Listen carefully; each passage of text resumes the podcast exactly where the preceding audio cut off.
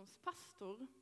Ehm, det står A person who never made a mistake has never tried anything new. Alltså, en person som aldrig gjort ett misstag har aldrig prövat något nytt. Jag tror jag ställer den här.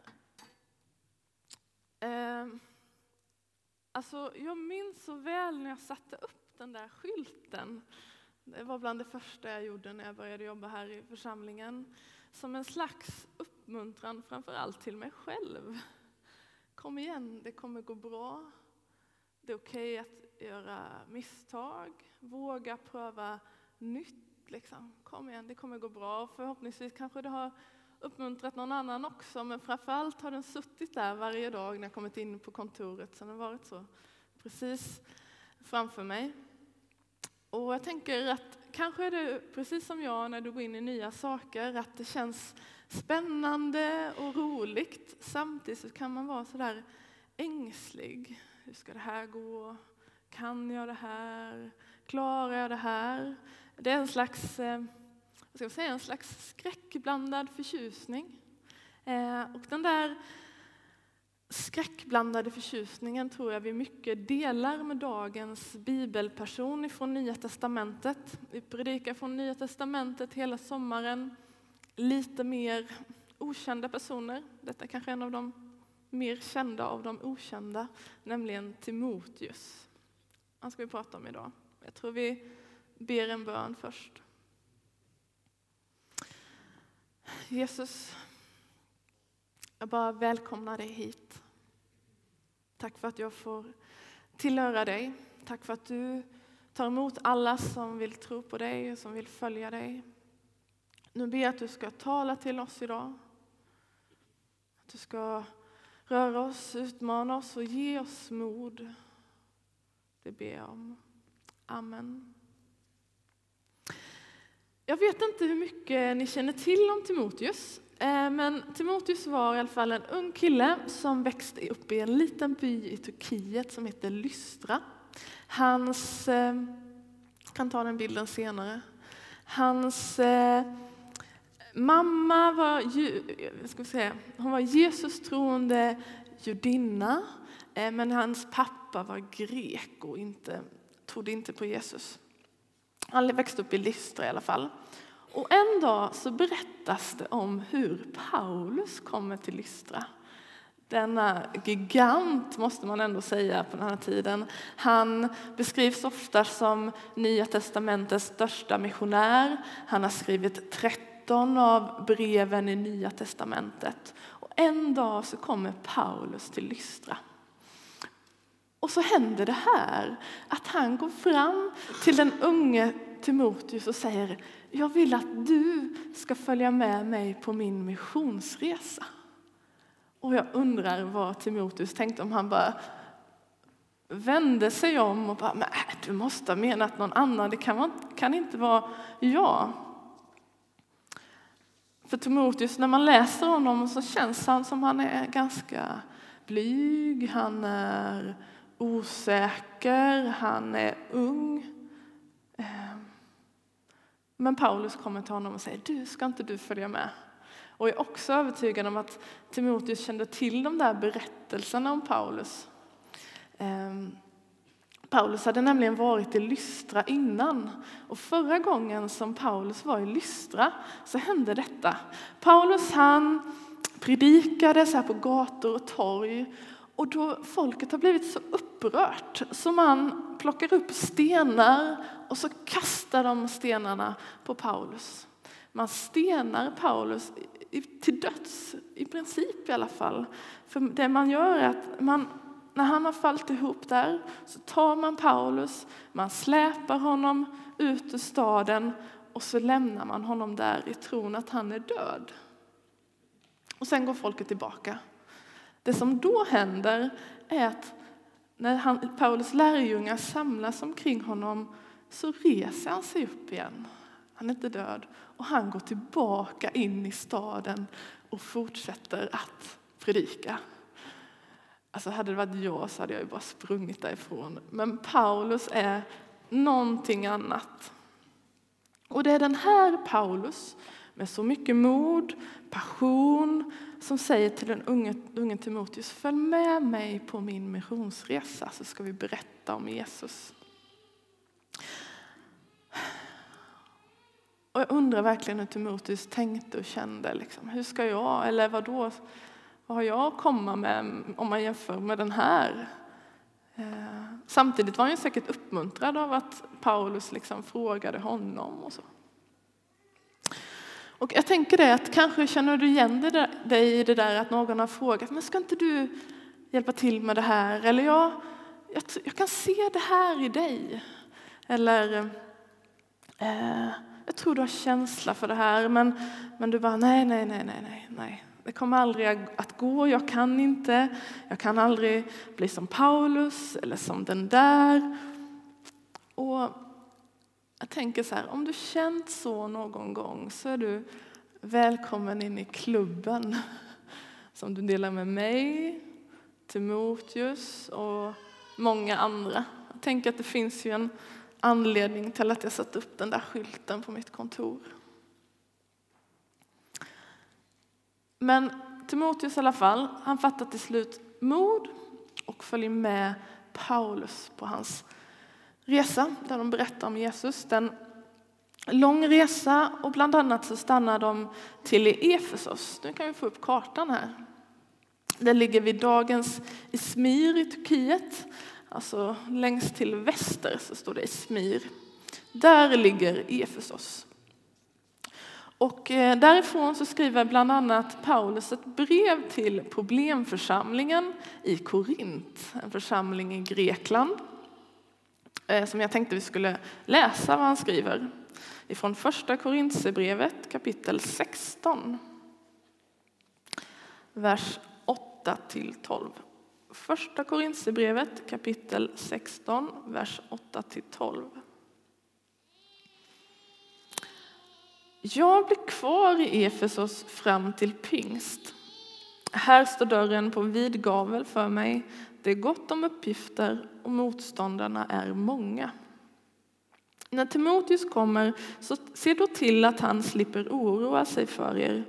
Han arbetar för Herren precis som jag och därför får ingen se ner på honom. Hjälp honom sedan iväg och önska honom frid så att han kan resa tillbaka till mig. Jag väntar på honom och bröderna också. Alltså Paulus, han är den här positiva typen. Han är nästan lite galen, överenergisk. Han säger i samma mening, här står dörrarna på vid gavel för mig. Och så säger han, motståndarna är många. Alltså jag tycker att det är fantastiskt, för att ofta när jag tänker att saker går bra, då tänker jag att allt går bra. Men det Paulus säger är så här, det är jättebra. Och motståndet är jättebra jättemycket. Och så påminner han församlingen som ska ta emot Timoteus, se inte ner på Timoteus. Jag tror att församlingen behövde påminnelsen. Här kommer den här unga killen hit och ska försöka reda i oss. Se inte ner på Timoteus. Och så tror jag också att Timoteus behövde det. Någon som liksom backade upp honom, som uppmuntrade honom, som stöttade honom. Och Timoteus åker till den här församlingen i Korint med alla dess möjliga utmaningar och problem. Och jag tänker mig att Timoteus säkert hade önskat att Paulus var med. Men nu får Timoteus åka själv och pröva sina vingar. I alla fall, efter ett tag så kommer Timoteus tillbaka till Efesos och han, så småningom blir han ledare för församlingen i Efesos. Och nu är Paulus inte längre kvar. Undrar hur, hur Timoteus från den här lilla byn kände inför att leda församlingen i dåtidens fjärde största stad. Alltså Efesos på den här tiden hade 250 000 invånare. Det är antikens fjärde största stad. Det platsen som Paulus beskriver med orden Dörren står på vid gavel för mig och motståndarna är många. En plats där man, om man går längs gågatan så är det massa små affärer, vänster och höger, men också fullt av olika gudabilder av små tempel. Liksom. Det är den här platsen.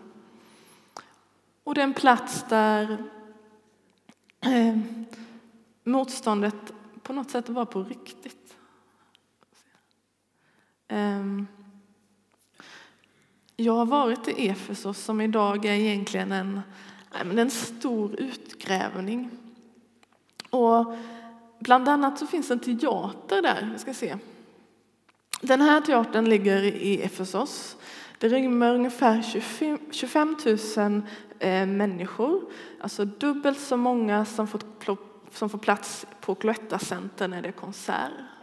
Ehm, och en dag så berättas det om motståndet i den här staden. Det berättas om hur Paulus predikar och det blir upplopp. Köpmännen blir så arga, de säljer ju de här små gudatemplen och grejer. Och nu så predikar han om Jesus och då minskar försäljningen. Så, är det så det blir upplopp i staden, folk rusar till den här teatern.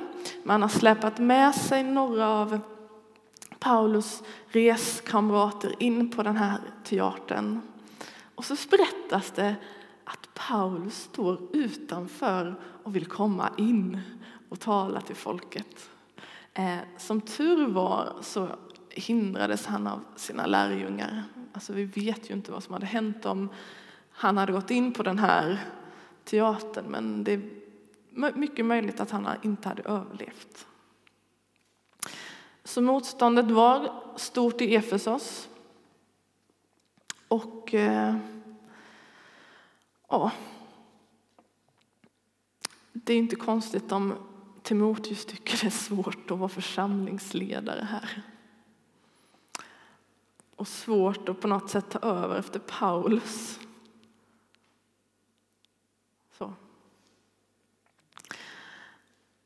Och jag tänker så att vi befinner oss ju inte i Efesos, vi befinner oss inte i världens fjärde största stad. Men däremot befinner vi oss i Sveriges femte största stad, i en av Sveriges större frikyrkoförsamlingar. Så. Även om det inte finns, alltså det finns ju inga jättestora församlingar i Sverige, men ändå. Och jag tror att det i en sån här stad och i en sån här församling kan vara lätt att något sätt extra lätt att tänka, men alltså vad, vad gör det jag gör för skillnad? Alltså, spelar jag någon roll liksom? Eller jag, vad kan det vara? Jag kan aldrig bli så bra barnledare som den här. Eh, varför skulle jag ens försöka? Men, men, men alla är viktiga, så tänker jag. Alla är viktiga. Jag vet inte om ni har lagt pussel någon gång. Jag tycker väldigt mycket om att lägga pussel, tycker det är roligt. Och så kan man lägga ett sånt här tusenbitars pussel, ungefär ett pussel som vår församling helt enkelt. Och sen på slutet så fattas en bit. Har ni lagt pussel där en bit fattas? Mm. Eh, alltså det är inte som att man tänker ja, ja, det var ju bara en bit, det spelar ingen roll. Utan det var totalt meningslöst att lägga det här pusslet om det inte fanns den sista biten. Och när man tittar på en pusselbit så kan de se ganska meningslösa ut. Ofta är ju den där sista biten som passar, eh, fattar sig någon slags blå bit, grå kanske och lite så här liten och så, man ser det inte. Men den gör ju all skillnad för det här pusslet. För att måla hela bilden så är alla bitar viktiga. Och så är det i en församling, i Linköping, liksom, att vi är viktiga om vi ska ta Jesus till den här världen. Jag kommer så väl ihåg första gången jag stod framme här på den här estraden. Det var kanske nästan sex år sedan nu. Jag skulle bli ny medlem här i församlingen. Om, när man blir ny medlem här i församlingen så får alla gå fram så här. Och så ska man har man en uppgift. Eh, mycket enkelt kan man tycka, men man har en uppgift. Man ska i mikrofonen säga vad man heter. Det skulle jag göra. Och jag kommer ihåg hur jag liksom... Alltså jag hade sagt, pratat inför folk förr, men det kändes som bara Sofia. Att man så nästan darrar på rösten. Och I den situationen är det lätt att tänka Nej, men alltså jag kommer aldrig kunna vara med och undervisa i något sammanhang här. Så, inte att jag tänkte att jag skulle stå här och predika, men liksom bara för att det kommer aldrig att gå. Och det är lätt att tänka att det finns så många andra. Så. Jag kommer också ihåg första gången, eller första gångerna kanske som jag var med på tonår här som det hette då. Eh, det var det som var ungdomsverksamheten på fredagskvällar då. Och jag var där och jag kommer ihåg hur det var en av ledarna, en av killarna som liksom alla på något sätt alla ungdomar så här drogs till och samlades runt som alla verkade tycka var så där rolig och så. Och så satt jag och tänkte där, jag kommer aldrig kunna bli som han. Så tänkte jag och tänkte att ja men, ja, jag kopplar kanske bättre med de som är lite i utkanten och sådär. Tänkte att nej, men det här kommer inte gå. Och det är så, det är så lätt. Eh, det är så lätt att jämföra sig. Ja, men jag, jag kan inte. Och nu, nu planerade jag inte det, men jag kan tänka efteråt. Tänk om jag hade slutat som ungdomsledare då. Alltså då hade jag missat fantastiska möten med ungdomar under de här åren som jag hade varit här. Jag hade missat att få växa som person, att växa som ledare och jag är så glad att jag var kvar. Ehm, för det är så lätt att tänka, nej men jag kan inte. Och tanken är ju inte att vi ska bli som den ledaren eller att jag ska bli som Paulus eller att jag ska bli som Timoteus eller någon annan. Tanken är att vi ska bli de Gud har tänkt att vi ska vara. Alltså den jag är tänkt att vara, den min pusselbit. Det är det som är tanken. Och jag tror att det för många och för mig själv är liksom på något sätt dags att, att fatta mod. Att sluta se ner på sig själv och istället gå in i det Gud lockar dig till, utmanar dig till, kallar dig till, de drömmar som Gud har lagt ner i ditt liv. Så tänker jag. Och Paulus, han vet att Timoteus kämpar. Alltså med sig själv, med församlingen. Och han skriver två brev för att uppmuntra Timoteus som vi har kvar idag fortfarande. Det första och andra Timoteusbrevet. Och han säger till honom, kom igen. Se inte ner på dig själv för att du är ung. Tappa inte modet. Och det är som att Paulus vet att Timoteus gång på gång på gång behöver den där uppmuntran. Och vi ska läsa från andra Timoteusbrevet. Andra Timoteusbrevet är Paulus sista brev i Nya testamentet. Han skriver det när han sitter i fängelse i Rom och väntar på att bli avrättad. Alltså det här är ett väldigt känslosamt brev. Han skriver till Timoteus som han kallar för sin son. Ehm, och vi ska läsa då vad, vad Paulus säger till Timoteus och vi kommer hoppa lite. Men man kan säga så att han inleder brevet med att säga till Timoteus att jag, Timoteus, jag ber ständigt för dig. Jag ber för dig dag och natt och jag, jag minns dina tårar sist vi sågs. Och så säger han i andra Timoteusbrevet 1, vers 6 till 7. Därför påminner jag dig om att du ska blåsa liv i den nådgåva från Gud som fanns hos dig sedan jag lade mina händer på dig. Ty Gud har inte gett oss modlöshetens ande utan kraftens, kärlekens och självbesinningens. Och så säger han i kapitel 2, vers 1-3. Och du, mitt barn, hämta styrka i den nåd som vi får genom Kristus Jesus. Det du har hört av mig i många vittnens närvaro, det ska du anförtro åt pålitliga människor som kan lära ut dig i sin tur. Var också du beredd att slita ont som en god soldat åt Kristus Jesus. Paulus vill påminna Timoteus om vad Gud har lagt ner i hans liv. I vers 6 inleder man säger att Gud har av nåd gett dig gåvor. Använd dem, säger han. Och så säger han i vers 7, ty Gud har inte gett oss modlöshetens ande utan kraftens, kärlekens och självbesinningens. Som ni vet så har jag haft den här skylten på mitt kontor, en slags uppmuntran till mig själv. Kom igen, du fixar det. Och ibland gör vi ju sådär. Vi försöker peppa oss själva. Ibland gör vi också totalt tvärtom och tänker så här, ah, du vet ju att du inte kan.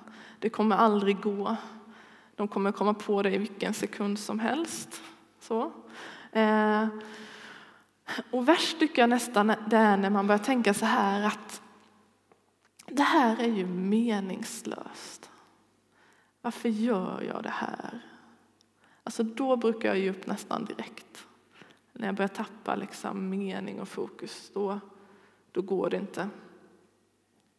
Och min tanke med dagens predikan är inte att du ska gå hem och bara nu minsann ska jag liksom eh, ta tag i mitt liv. Det är inte det jag är eh, ute efter. Eh, utan jag vill säga det som just Paulus säger i vers 7. Alltså, Gud har inte gett oss modlöshetens ande utan kraftens, kärlekens och självbesinningens. Alltså, den som tror på Jesus har den helige ande i sig. Gud själv i sig. Anden kallas även för hjälparen. Och anden vill ge mod, kraft, kärlek självbesinning. Alltså jag tror att Gud vill forma dig inifrån och ut. Ge mod inifrån. Inget sådär hurtigt liksom, utan från inifrån på djupet.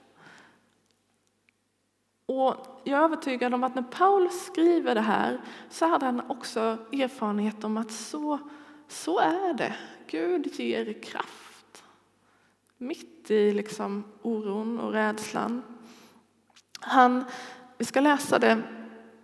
Eh, Paulus hade nämligen skrivit så här tidigare till församlingen i Korint, alltså den här församlingen med dess problem helt enkelt. Ifrån första Korintierbrevet läser vi kapitel 2, vers 1-5 så säger Paulus som här. Han som vi tidigare har målat som den stora missionären. Jag kom, när jag kom till er bröder var det inte med förkrossande vältalighet och vishet jag förkunnade Guds hemlighet för er. Det enda jag ville veta av när jag var hos er, det var Jesus Kristus, den korsfäste Kristus.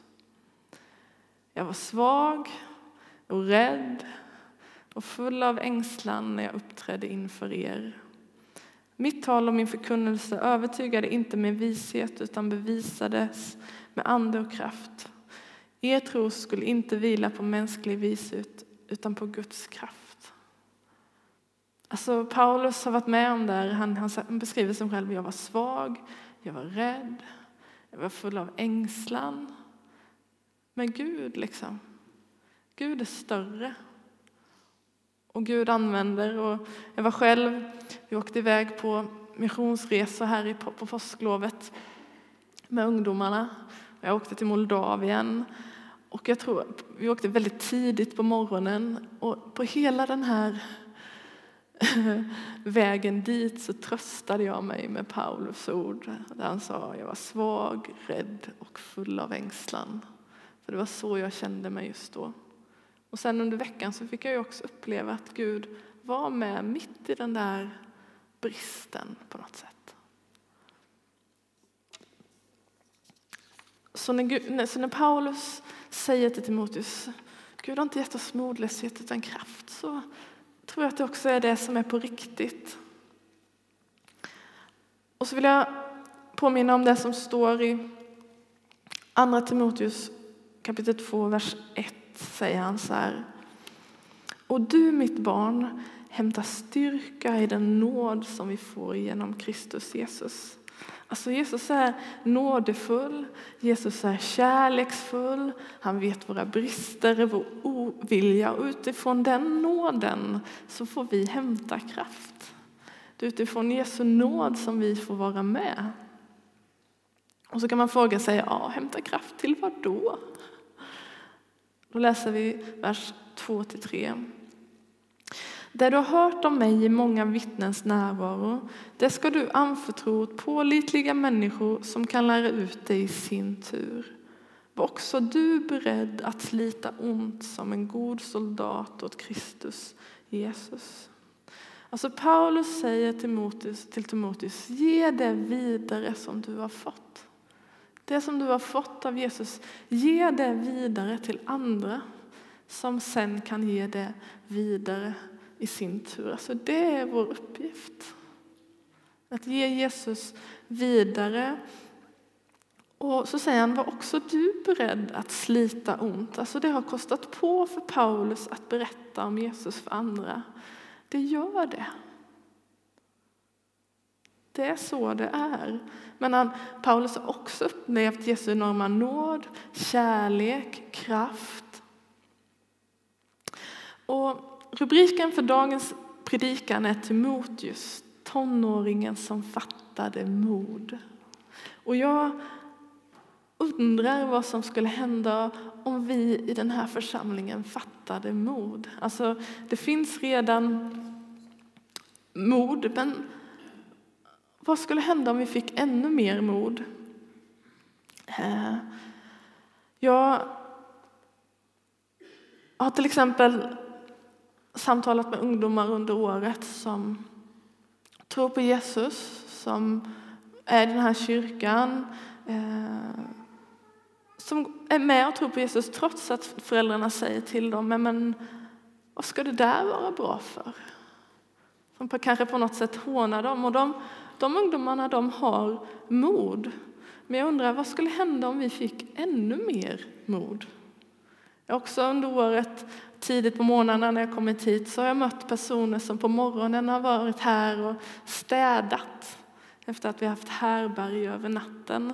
Personer som har valt att inte bara gå förbi, liksom tiggar, utan göra någonting. Och det krävs mod. Och det tänker jag är fantastiskt. Men vad skulle hända om vi fick ännu mer mod, om vi fick vara i Jesu händer och fötter? Ehm, jag har mött pensionärer som har bett och gråtit när, eller över jordbävningarna i Nepal. Som tidigare själva har varit där, men som nu är hemma och ber och liksom är med. Och de personerna har mod. Jag är en del av en modig församling som, som bland annat då i årtionden har sänt missionärer till Nepal och som när liksom katastrofen inträffade var direkt med och samlade in pengar som vi skänkte till vår systerorganisation United Missions to Nepal som vi vet står i framkant. Som när ingen annan kom fram, då, då tog man förnödenheter och så gick man till de mest utsatta byarna. Och det är fantastiskt, men vad skulle hända om vi fick ännu mer mod?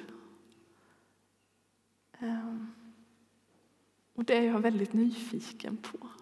För det är inte som att modet inte finns, det är inte som att vi inte är med, men vad skulle hända om jag liksom i min vanliga vardag fick ännu mer mod? Så det jag vill, liksom, om man ska försöka summera det jag vill säga idag så är det, det att Gud vill använda dig och ge dig mod och kraft att ge Jesus vidare. Alltså Gud vill använda dig och ge dig mod och kraft att ge Jesus vidare. Vi ber. Jesus, tack för att det är du som har all makt. Tack för att det är du som är kraften, att det är du som är styrkan. Tack för att det är du som har räddat hela världen, inte vi. Tack för att det är du som håller världen i dina händer, inte jag. Men du vet också att av någon anledning så får vi vara med och berätta om vad du har gjort, berätta om vem du är, vad du kan. Vi får vara dina händer och fötter. Jag ber om mod till oss. Jag ber att vi ska få sträcka på våra ryggar och se vad du har gett, vem du är.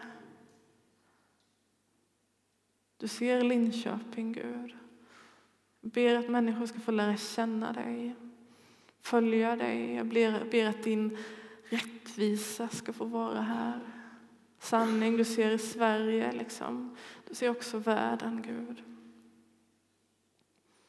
Jag ber verkligen om dig själv, Jesus. Jag ber om dig själv. Amen.